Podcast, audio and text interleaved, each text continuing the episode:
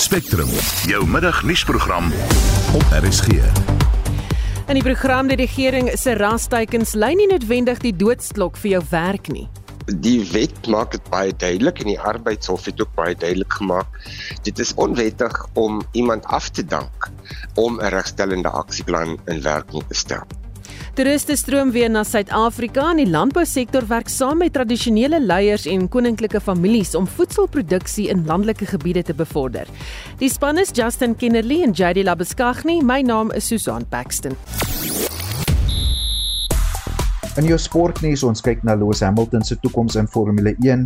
Tiger Woods gaan nie aan die Amerikaanse Ope deelneem nie en Malcolm Marx verleng sy kontrak met sy span in Japan. Die jongste trekker misdaadindeks toon dat motordiefstal met 12% en kapings met 14% toegeneem het. Hoe beskerm jy jouself teen die moontlikheid van 'n kaping of motordiefstal? Gee jy aandag aan die omgewing om jou wanneer jy by die verkeerslig staan of selfs brandstof ingooi? Wat doen jy om jouself veilig te hou? Laat weet ons. Stuur 'n SMS na 45889 teen R1.50 per SMS of gesels saam op ons Monitor en Spectrum Facebookblad. Dit is so bykans 7 minute oor 12 jy luister na Spectrum. Die nuwe rasteiken konsep wetgewing wakker eerder openbare verset aan as om transformasie aan te help in die land. Die grondwetkenner professor Pierre De Vos het vroeër 'n monitor aan Oudo Karelse gesê die wet is baie duidelik oor hoe die transformasieteikens ingestel moet word. De Vos is van mening dat die konsep wetgewing effe teenstrydig is met die bestaande wetgewing. So dit is deel van dieselfde ehm um, regstellende aksie uh wetgewing. Die verskil nou is dat in die oorspronklike wetgewing het die onderneming, die werkgewer het besluit watter teikens daar is vir haar onderneming. Mm. So oor 5 jaar, hoeveel mense wil jy hê wat swart is, African colored Indian en wit en gegee nou die kategorie wat gebruik word.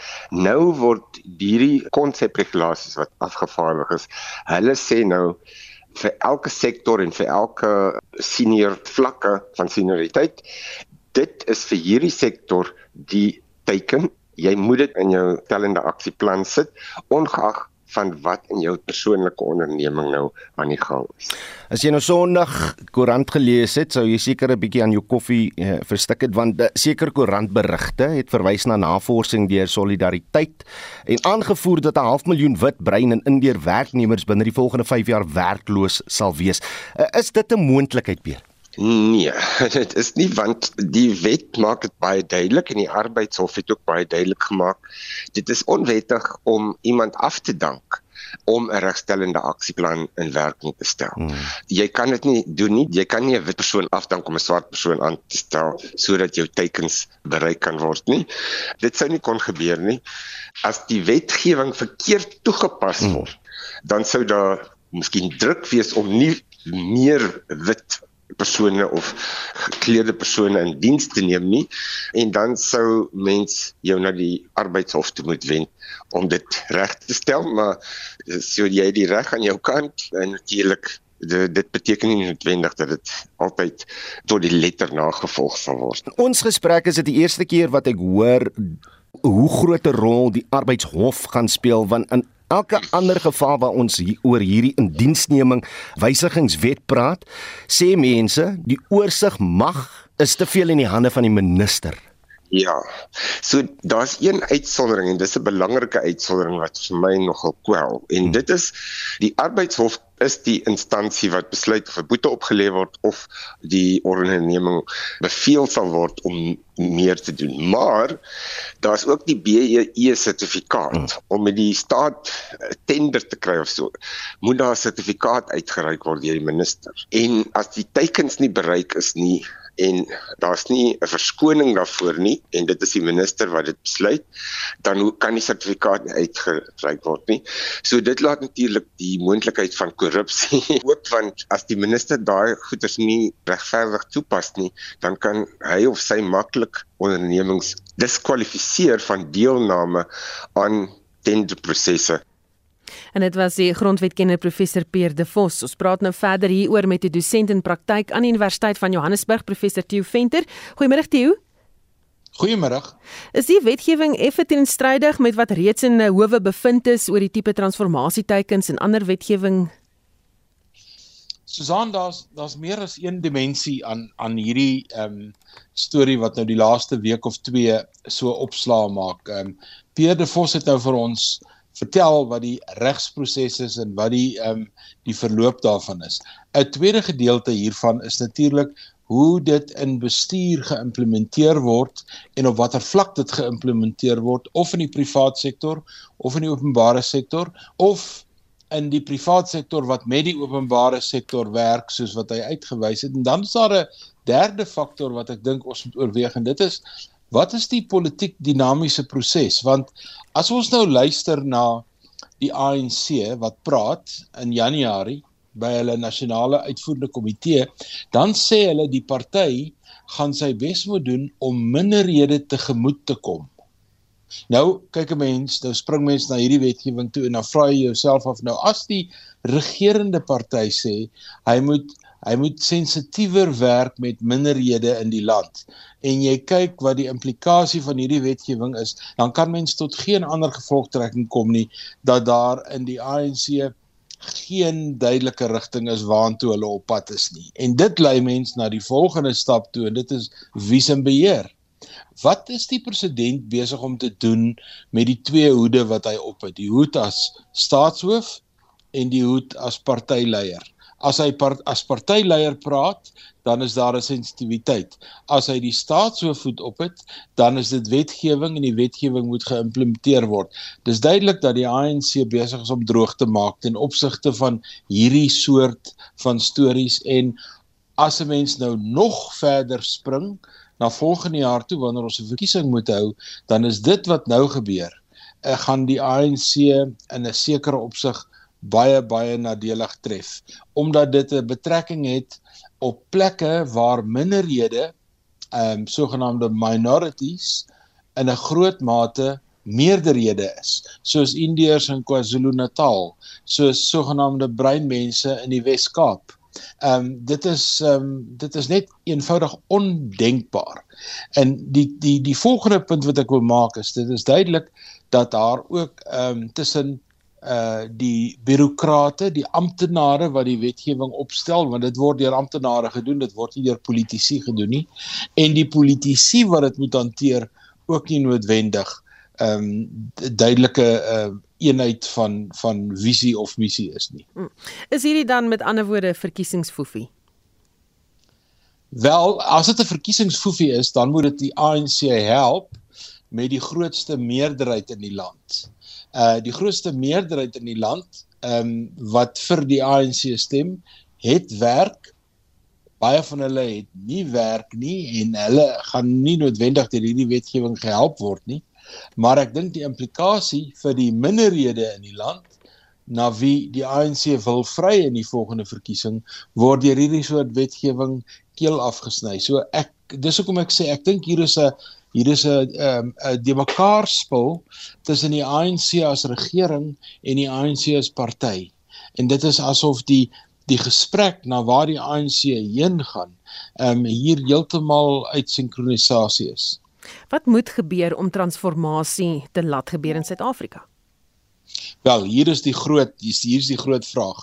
My standpunt was nog altyd dat transformasie noodsaaklik is. Daar's geen twyfel dat transformasie deel is van die proses om die die erfenisse van die verlede apartheid die periode voor 1994 op een of ander manier reg te stel nie. Maar jy jy slaag nie met transformasie as jy dit op mense afdwing nie. Al wat jy reg kry is jy skep meer ehm um, die die Engelse woord is animosity. Ehm um, Afrikaans sou mense sê wrevel of ehm um, die swakker maar soms beter beskrywende gatvol. Dit is ehm um, dit is wat jy skep. Maar as jy transformasie bestuur met aanmoediging deur deurdat jy vir mense sê indien julle as jy 50 mense in diens het daarin slaag om ons transformasie teikens te haal of 80% daarvan of wat ook al, dan gaan ons vir jou 'n belastingtoegewing gee. Dis nou aanmoediging. Eerder as wat hulle jou wil beboet omdat jy nie dieselfde bereik nie. So ek dink baie keer en dit is die dilemma. Ongelukkig is ek nou terug by my ou storie, naamlik hoe werk dominante partye. Dominante partye werk net soos monopolie. Ons het nou gesien wat gebeur met 'n met 'n monopolie soos Eskom. Vanweë 'n gebrek aan kompetisie en vanweë 'n gebrek aan oordentlike beplanning sit ons nou in die gemors wat ons sit met ehm um, beerdkrag. uh, dominante partye of meerderheidspartye sonder goeie oppositie funksioneer op presies dieselfde manier.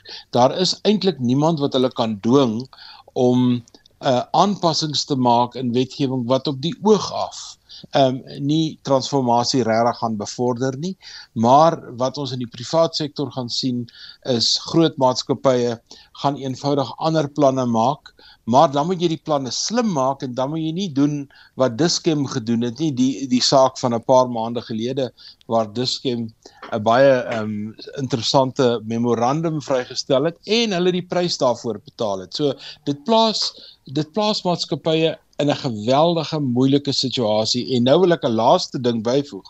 Ons wil hê mense moet kom investeer in Suid-Afrika en ons wil hê mense moet nuwe besighede kom oopmaak en oorseese mense moet kom belê in Suid-Afrika. Dis die boodskap uit die presidentskap. Suid-Afrika is die plek om te belê. Maar weet hulle van al hierdie kleiner probleme? Weet hulle van wat die rasteikens is? Weet hulle hoe hulle daardeur getref gaan word? Ja. Weet hulle van die onwerkbaarheid van ons plaaslike regerings? En dit is waar die dilemma vir die regerende party sit.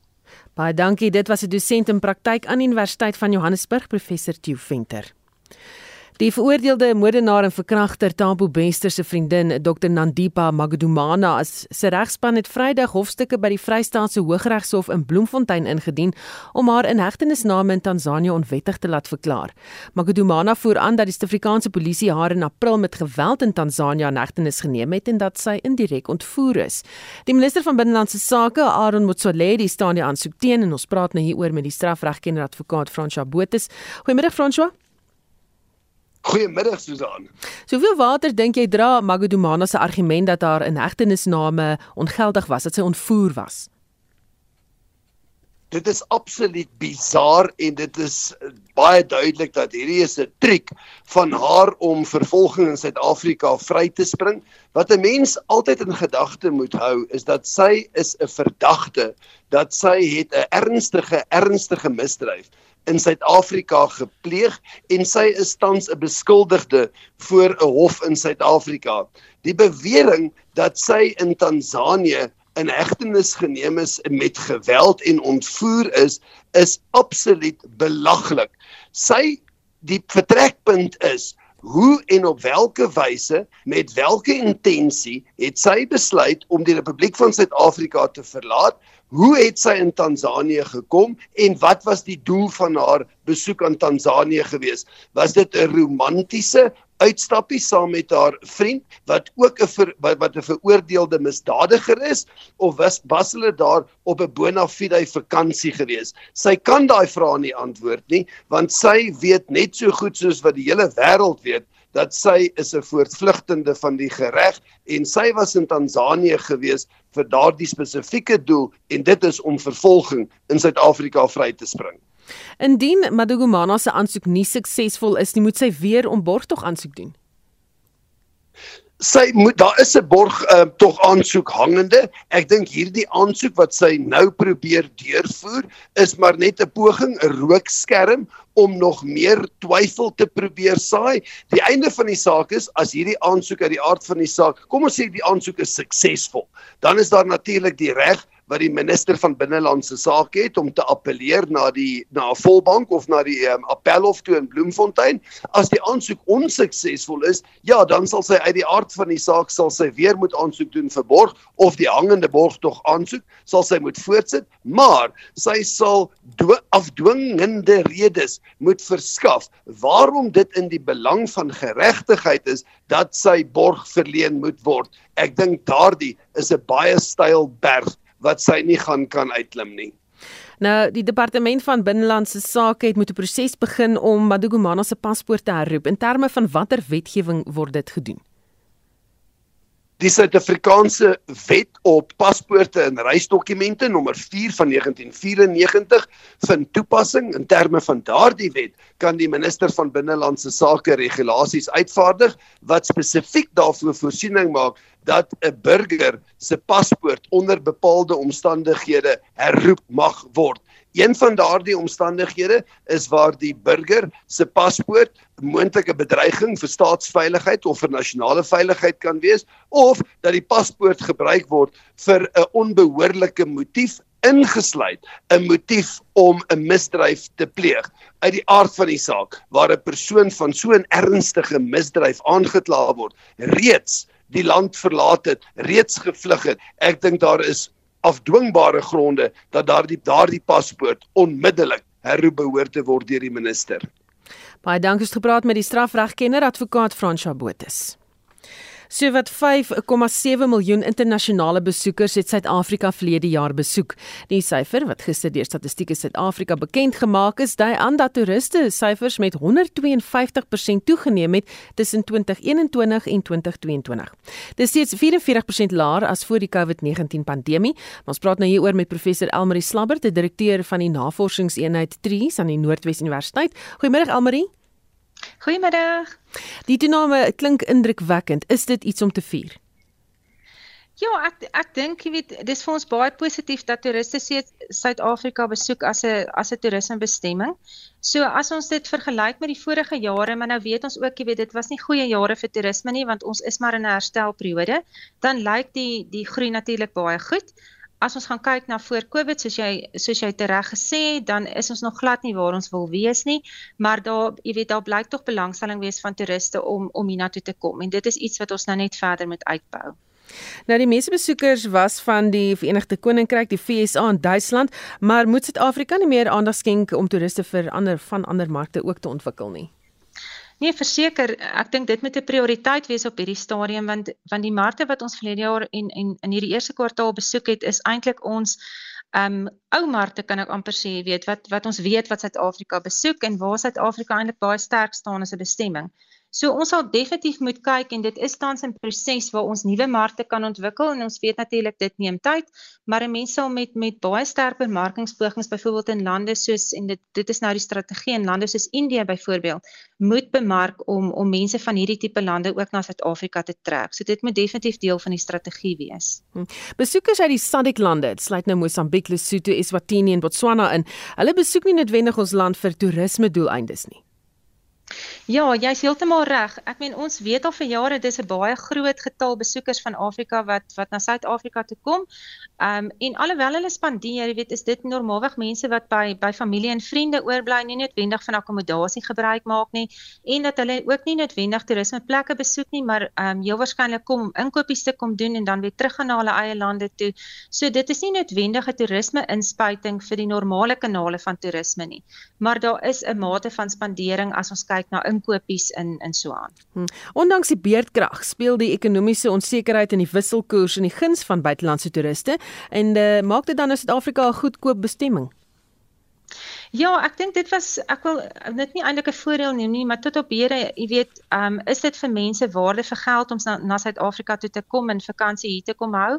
Ehm um, ek dink op hierdie stadium is ons grootste ehm um, faktor is maar die die sake rondom krag en infrastruktuur en so aan wat natuurlik hierdie nuus versprei. Mense is versigtig om om ehm um, jy weet na 'n land te kom waar hulle nie weet, jy weet gaan ons krag hê, gaan ons nie krag hê nie. So dit het definitief 'n invloed op mense se besluitneming om na Suid-Afrika toe te kom en hierdie is is rooi ligte wat ons wat ons definitief moet aanspreek. Anders jy weet daar's soveel ander plekke waar jy toeriste kan gaan en dan maak hulle net eenvoudig ander keuses. Ehm um, so dit is iets wat jy weet ek wil amper sê die departement van toerisme het nie direk beheer daaroor nie, maar dit beïnvloed ons toerisme getalle geweldig. Wat is die een ding wat jy dink Suid-Afrika moet doen om toerisme syfers nog meer te laat groei? Ek dink bemarking bly maar 'n baie kritieke um saak en dit is iets wat konstant en voortdurend gedoen moet word en en veral nou, jy weet met die toegang in terme van sosiale media en hierdie nuwe tipe van platforms is dit iets wat ons regtig optimaal moet benut.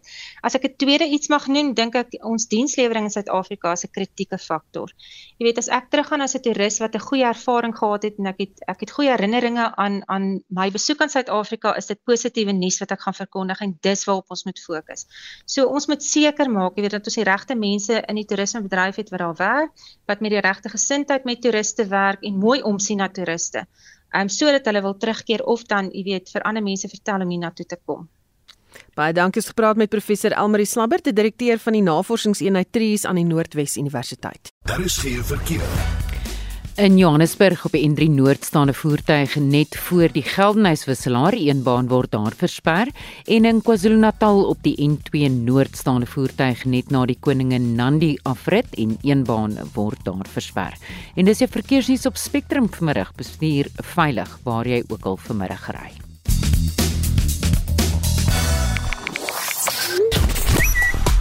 Nou ons praat binnekort oor die toename in kapings en motordiefstal en ons vra vir jou wat doen jy om jouself te beskerm in so 'n situasie? Nou ek sien Cathy Smith het op uh, Facebook gesê deure word gesluit en vensters ten alle tye toe. Die handsak onder die sitplek en selfoon in die kantbakkie. Natuurlik vir my mense enige gevaarlike plekke of uh, plekke wat lyk of dit verdag kan wees. Ons ry glad nie na sonsondergang nie. Saans parkeer ons die motor in die motorhuis, sluit die deur en die hek van die motorhuis. Gelukkig nog nooit diefstal van 'n voertuig of 'n kaping beleef leef nie. Nou dis wat Kathy alles doen. Wat doen jy om jouself veilig te hou? En uh want ons gaan 'n bietjie later gesels daaroor met 'n kenner oor hierdie indeks wat kaart trek of trek uitgestuur het. So bly ingeskakel daarvoor. Andersins gesels nog saam op die SMS lyn 45889. SMS se kos R1.50 of op die Monitor en Spectrum Facebook bladsy. Jade Hendriks het die jongste sportnuus. Goeiemiddag, ek begin met motorsport en internasionale media berig dat Ferrari is glo besig om 'n aanbod van 50 miljoen dollar voor te berei om die sewemalige Formule 1 wêreldkampioen Lewis Hamilton aan die einde van die seisoen van Mercedes na Ferrari te lok. Cricketnuus in die IPL is dat die eerste uitspelwedstryd in vanjaar se toernooi wat vanmiddag om 4uur plaasvind, wie die top 2 spanne op die punte leer, die Gujarat Titans en Chennai Super Kings wat opponente gaan wees. Môre speel spanne nommer 3 en 4 op die punte leer teen mekaar. Dit is die Lucknow Super Giants en Mumbai Indians wat daar gaan sake uitspook. Rugbynuus en Andrea Piardi gaan die eerste Italianer word om die vletjie in die Verenigde Rugby Kampioenskap eindstryd te hanteer wanneer die Stormers en Munster mekaar Saterdag op die Kaapstad Stadion pak. Die 30-jarige gaan ook later vanjaar by die Wêreldbeker in Frankryk in aksie wees. Piardi se eerste professionele wedstryd in die toernooi was in 2019 toe hy in beheer was van die kragmeting tussen Munster en die destydse Southern Kings. Nog nie uit die Verenigde Rugby Kampioenskap, eh, Munster het bevestig dat die Springboks slot RG Snyman fiks is en heel moontlik die naweke teen die Stormers sal uitdraf en in hul begin 15tal die wedstryd sal begin. Nog 'n rugby brokkie en uh, die Springbok hakker Malcolm Marx het sy kontrak met die Japaneese klub Kubota Spears tot en met Mei 2025 verleng. Nou fietsrynies en Mark Cavendish het uh, aangekondig dat hy aan die einde van die seisoen uit die sport gaan uittreë. Die 38-jarige Brit het in sy loopbaan 24 skofte by die Tour de France gewen. Nou golfnuus en Tiger Woods het bevestig dat hy nie aan aanstaande maand se derde major van die jaar die Amerikaanse Ope gaan deelneem nie. Hy herstel nog van 'n operasie wat hy onlangs gehad het, dit na 'n motorongeluk in 2021. En dan eindig ons met sokkernuus in die Engelse Premier League het Leicester City en Newcastle United gisterand 0-0 gelyk opgespeel. Nou kom die uitslag belangrik is want met die punt uit die kragmeting het uh, Newcastle verseker dat hulle outomaties in die top 4 van die Engelse Premier League eindig en aanstaande jaar in die UEFA Kampioenligga beker sal kan deelneem. Die punt was ook belangrik vir Leicester City. Hulle is nou met 31 punte 18de op uh, die Engelse Premier League punte leer en kan moontlik 'n relegasie vryspring. Jody Hendricks vir RSG Sport.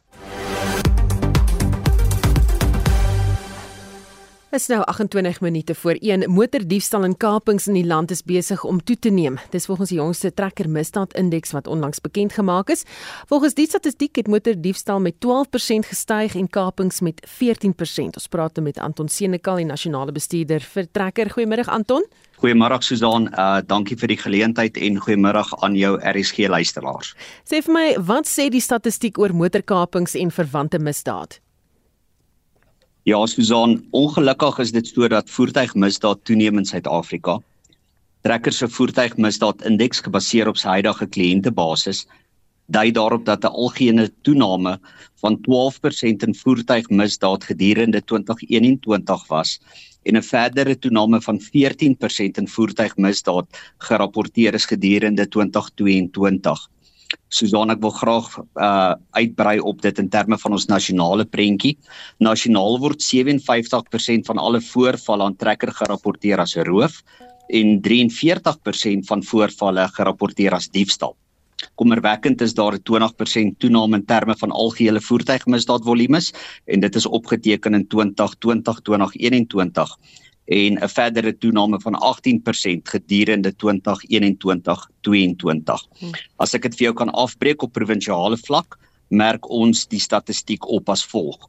In Gauteng word 52% van voorvalle wat aan trekker gerapporteer word toegeskryf toegeskryf aan 'n roof en 48% voertuigmisdaad voorvalle word toegeskryf aan diefstal. Ons sien ook verder in KwaZulu-Natal word 56% van voorvalle aan trekker gerapporteer toegeskryf aan 'n roof en 44% word toegeskryf aan diefstal. Susan ons merk ook 'n verhoging van 25% in roof van motorvoertuig op uh, motorvoertuig diefstal af motorvoertuig roof op gedurende 2020-2021 en 'n verdere 8% in 2021-2022. Hmm. Ons sien ook in die Wes-Kaap word 78% van voorvalle aan trekker gerapporteer toegeskryf aan roof, maar slegs 22% van voorvalle aan trekker gerapporteer word toegeskryf aan diefstal. Ons merk dis met kommer die hoë persentasie in die Wes-Kaap wat die statistiek weerspieël. Anton enige spesifieke tipe voertuie wat geteken word? Ja, Susan uh die trekker voertuig misdaadindeks wys daarop dat die volgende voertuie voertuie wel geteken word. Bakkies, kleiner is uh sedan voertuie en dan natuurlik jou e-vervoerdienste.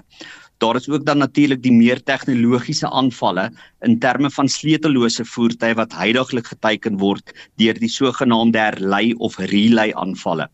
In kort, Uh die misdadiger van uh of die voertuig diefstal syndikaat of bende sal 'n voertuig eienaar volg tot waar hulle die voertuig parkeer en dan die gebruik van die gesofistikeerde elektroniese toestel sal die sein of puls van die sleutel herlei na tweede misdadiger of die bendelid. En sodoende verkry die misdadigers dan toegang tot jou voertuig en is hulle dan ook in staat om die voertuig aan te skakel sonder om die oorspronklike sleutel in hulle besit te hê Gelukkig is daar teenvoeter Susan vir hierdie tipe aanvalle en uh ons beraai aan dat uh die sogenaamde Faraday sleutelhouer aangeskaf word. Ons stel ook dan verder voor dat uh die eienaars van sleutellose voertuie hulle handelaars raadpleeg om hulle te help om 'n verstelling aan hulle sleutel te maak. So as oplossings. Goed, hoekom dink jy is die misdaad tempo besig om toe te neem? Susan, ja, trekkers skryf die misdaad tempo toe aan 'n paar faktore. Eerstens, die grootskaalse terugkeer na die werkplek en dit beteken daar is meer voertuie op die paaie wat die geleentheid skep vir roof asook vir diefstal. Tweedens, Susan, oorgrense misdaad is 'n realiteit. 'n Gesteelde voertuig op die swartmark kos noemenswaardig minder as 'n nuwe of selfs 'n tweedehandse voertuig. Derdens, die parte van voertuie is duur en daarom is voertuigparte ook baie gesog op die swartmark Susan. En dit leen homself daartoe toe dat voertuie gesteel word vir hierdie doeleinde. Baie belangrik natuurlik is die getal onwettige wapens wat ook 'n groot faktor speel en wat bydra tot voertuigmisdaad veral roof. Dan soos ek reeds genoem het, sleutellose voertuie asook e-vervoermaatskappye wat geteken word.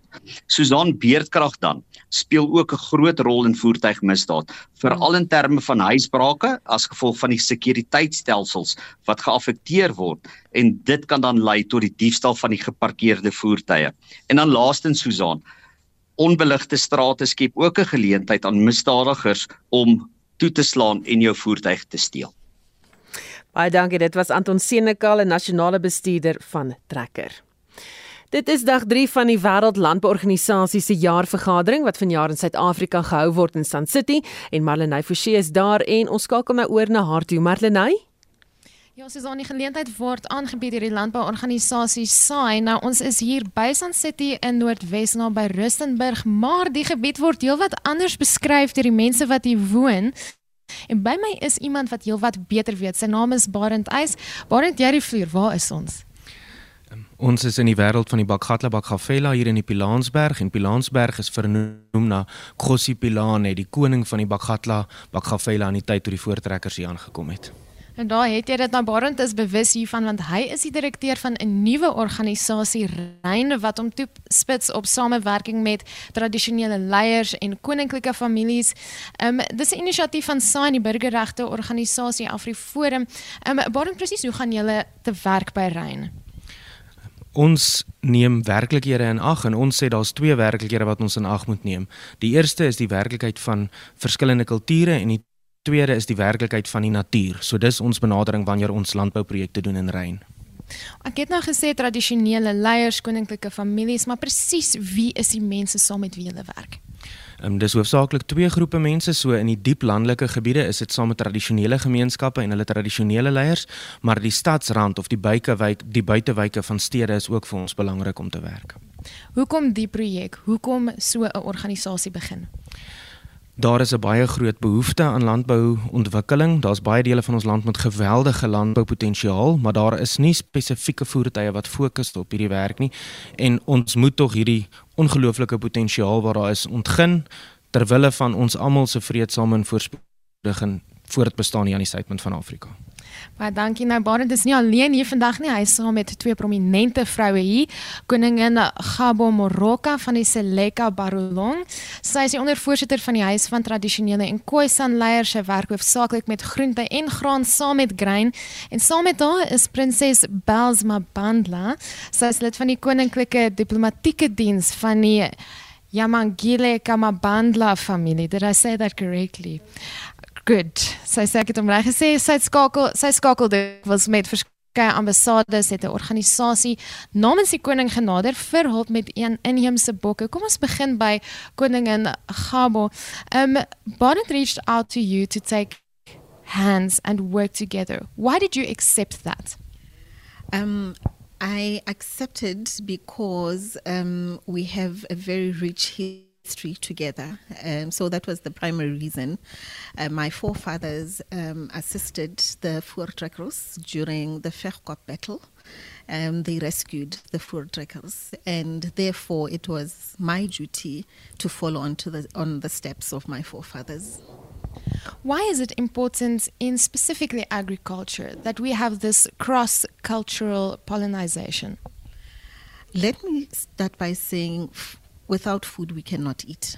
And we cannot take away the fact that it is the farmers white farmers who know and and excel at at, at this uh, at farming. And therefore to for our people to get there to that level we need to Co, um, to hold hands, we need to work together for the betterment of the future of our nation. I'm going to move the attention to Princess Bells. You're sitting here with a beautiful smile.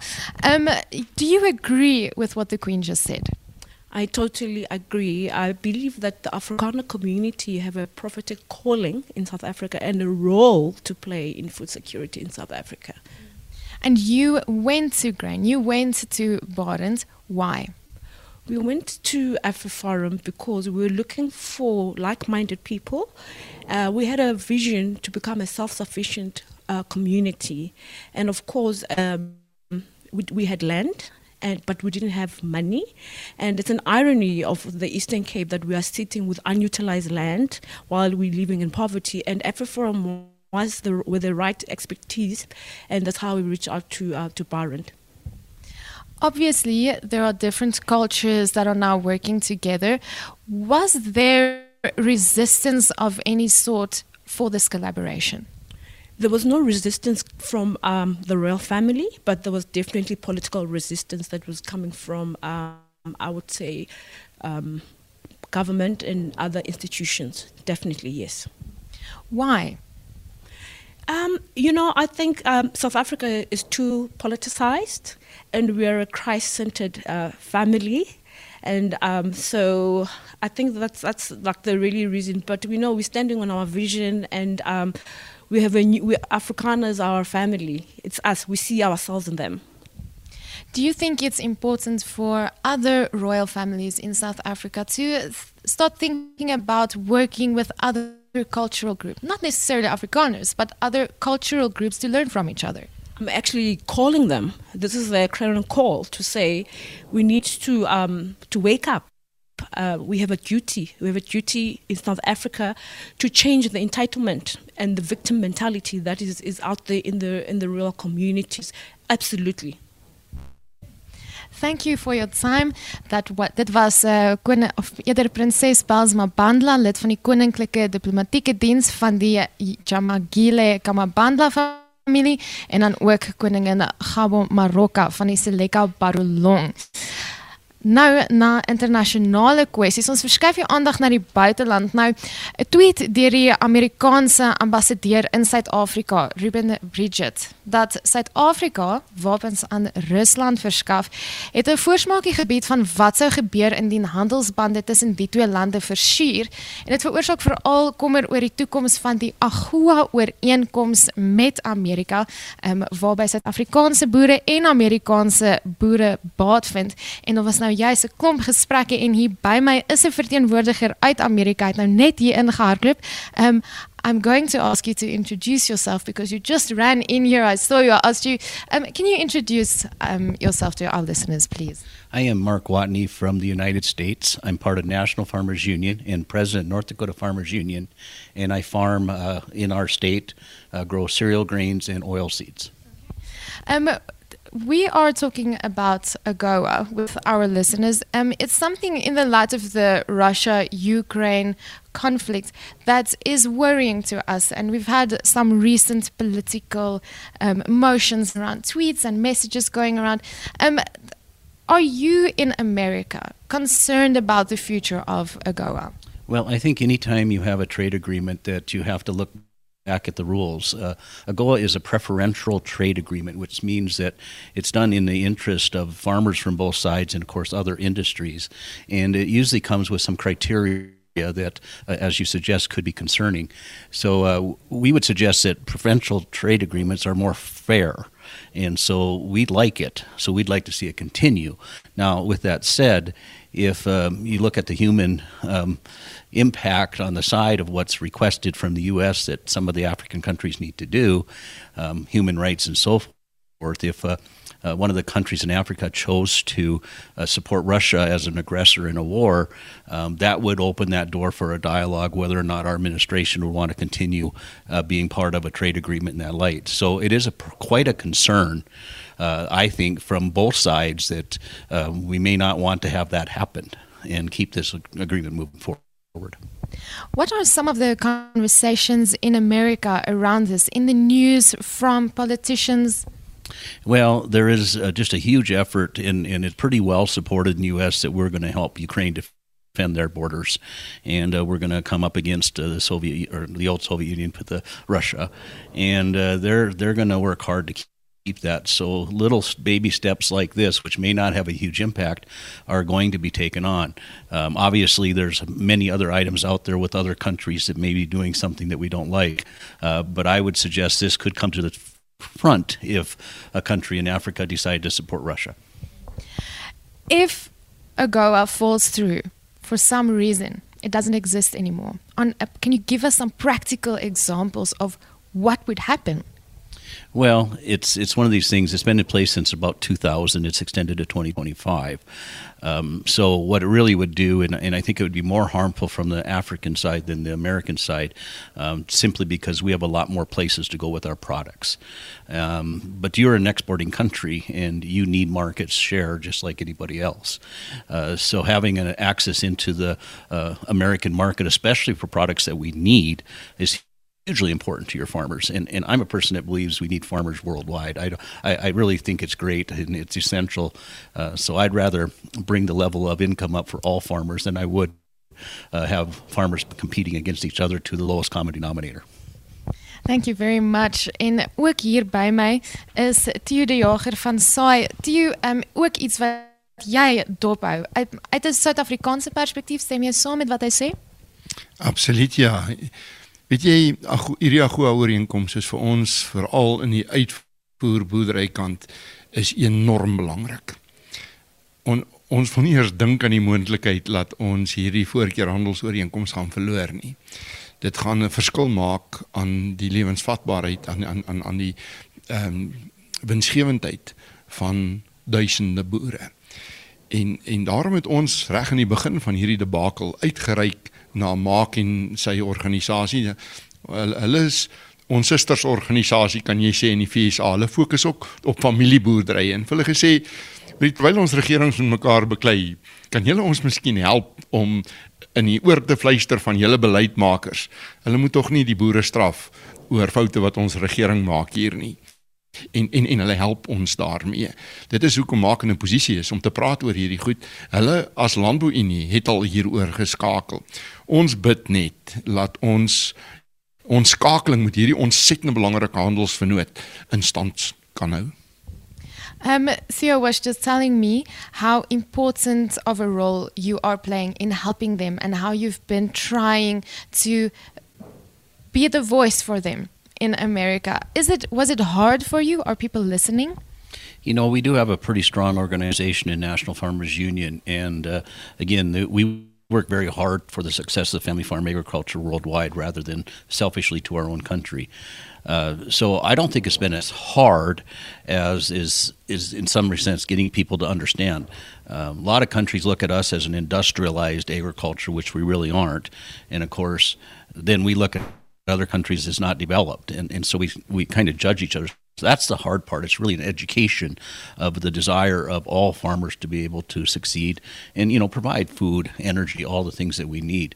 So uh, it it's not hard in a sense of doing the work. It's hard to get public policy, to get trade agreements, to get whatever in place uh, to actually make it successful. And uh, I think that's going to be the ongoing challenge. And, and, many of the monopolistic practices that are going on are uh, uh, certainly another challenge.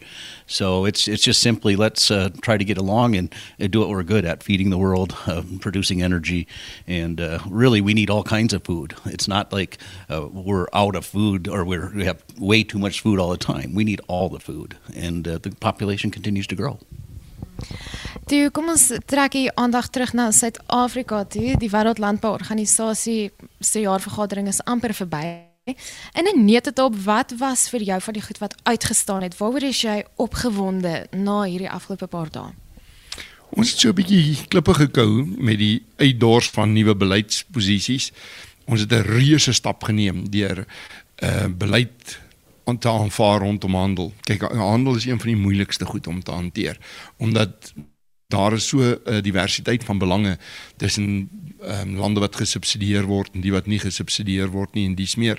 So dit dit, dit was 'n groot stap. Dis nie presies wat ons wou gehad het nie. Dis waarskynlik die beste wat ons kan kry as konsensus tussen al die boere.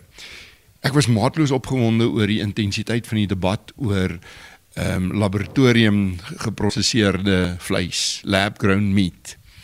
Dis boere hier wat sê dit is nie kos nie. Hier's ander wat sê ons moet daai boere ook verteenwoordig. Ander wat sê dis nie boere daarin nie, dis wetenskaplik is.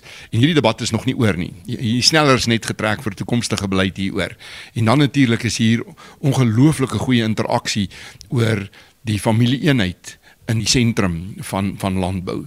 En daar het ons vennote soos byvoorbeeld NFU in in in die Verenigde Nasies wat 'n geweldige geveg opsit teen sentralisasie van mag in die waardeketings en ons leer baie van van mekaar. Baie dankie. Laaste woorde daar van Theo de Jager van Saai en vir Oulaas hier van Rustenburg in Sun City terug na julle in die ateljee Susan. Baie dankie en dit was die stem van Marlenae Forsie wat regstreeks uitgesaai het vanaf die Wêreld Landbouorganisasie se jaarvergadering.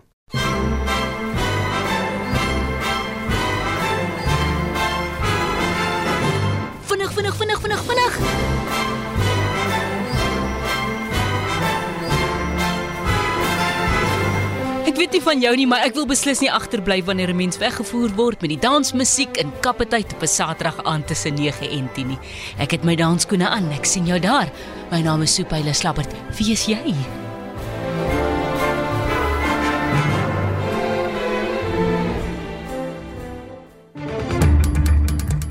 Die sakenuus word aangebied deur Renier van Sail portefeuljebestuurder by Efficient Private Clients. Goeiemiddag Renier. Goeiemôre Susan en ook aan almal wat inluister. Hoop dit gaan goed vandag. As ons kyk na die plaaslike mark, dan sien ons hy volg hoofsaaklik uh, daardie Asiëse markte laer van vroeër vandag. Die alle aandele indeks is op die oomblik laer met so 1% op die oomblik. Uh as ons kyk na van die presteerders wat ons mark aftrek, is dit hoofsaaklik van ons kommoditeit maatskappye. Impala is laer met so 3.7% en Anglo Gold is laer met 3.2%. Aan die ander kant van die muntstuk is daar wenners op ons beurs Transaction Capital hoor met 6.3% en ook Nampak is op met so 4 4.5%. As ons dan oorbeweeg en ons kyk wat die rand gedoen het, is hy basies onveranderd van vanoggend se vlak. Hy staan teen 19.26 teen die dollar, 23.85 teen die pond en so 20.75 teen die euro. En dan as ons kyk na ons kommoditeite, is die prys van goud 1% laer op 1956 dollars per fyn ons, terwyl die prys van Brent ruolie op 75 dollars 89 per vatjie Brent is. Nou die Amerikaanse markte lyk asof hulle later in die rooi wil oopmaak en so ook verhandel meeste Europese markte op die oomblik in die rooi. Susan, dis my storie vir vandag. Julle moet 'n baie lekker dag hê. Dankie. Dit was Renier van Sail, hy's 'n portefeuljebestuurder by Efficient Private Clients. Fase 2 van die Lesotho Hoogland Waterprojek begin vandag. ST het vir ons meer besonderhede hieroor en ander ontwikkelende stories. Is reg Susan, president Cyril Ramaphosa is by die Poliali Dam in Lesotho saam met Lesotho se koning Letsie III en die eerste minister van Lesotho, Sam Matekane, waar die eerste sooi vir fase 2 van die waterprojek gespit sal word.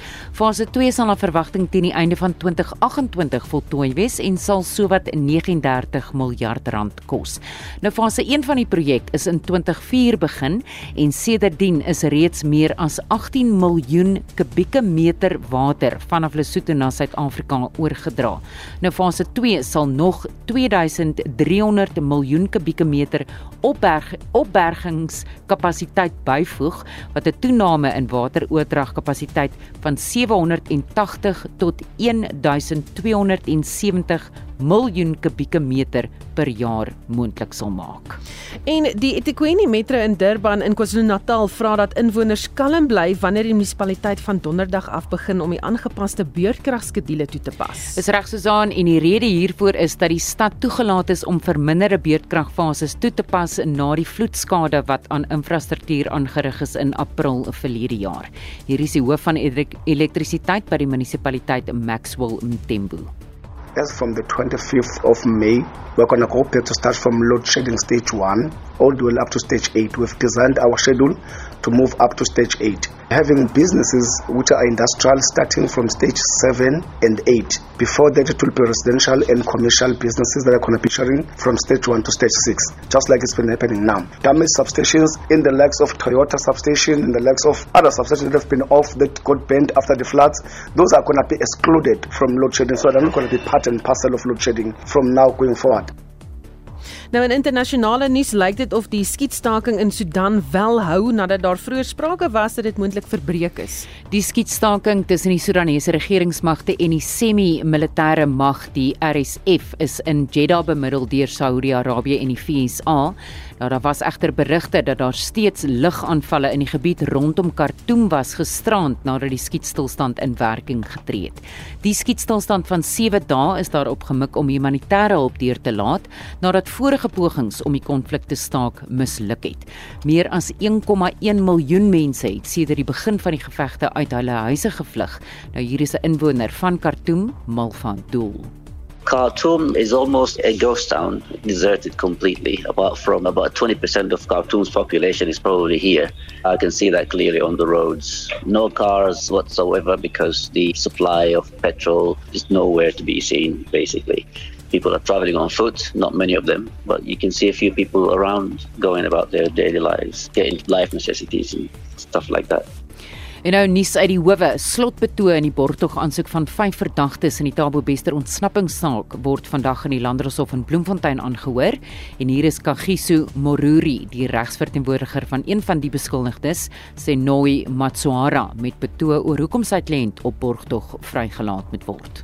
The respondent did not adduce any evidence to suggest that the applicant is prone to, to violence or that he will in any way commit a Schedule 1 offence or any other offence for that matter. is therefore submitted that the applicant will not endanger the public, nor will he commit a Schedule 1 offence or any other offence if released on bail. The applicant is a South African citizen by birth. He holds a South African passport. He has a fixed address. En dan net 'n 34-jarige verdagte vandag in die Landdroshof in Pretoria verskyn op aanklagte van die oortreding van die wet op kubermisdaad. Hy het na bewering pornografiese foto's van onbekende individue, maar met die gesigte van president Cyril Ramaphosa, die minister van polisie Bekkie Cele en sy vrou op sosiale media versprei. Nou die verdagte is Sondag in Pietermaritzburg in hegtenis geneem. Baie dankie en dit was Estie met 'n opsomming van vandag se nuus en ontwikkelende stories. Nou ek sien Jacques Arend, 'n uh, kollega Jacques Arend stuur 'n boodskap. Hy sê daar's 'n protesaksie op die Motherwell Adu pad.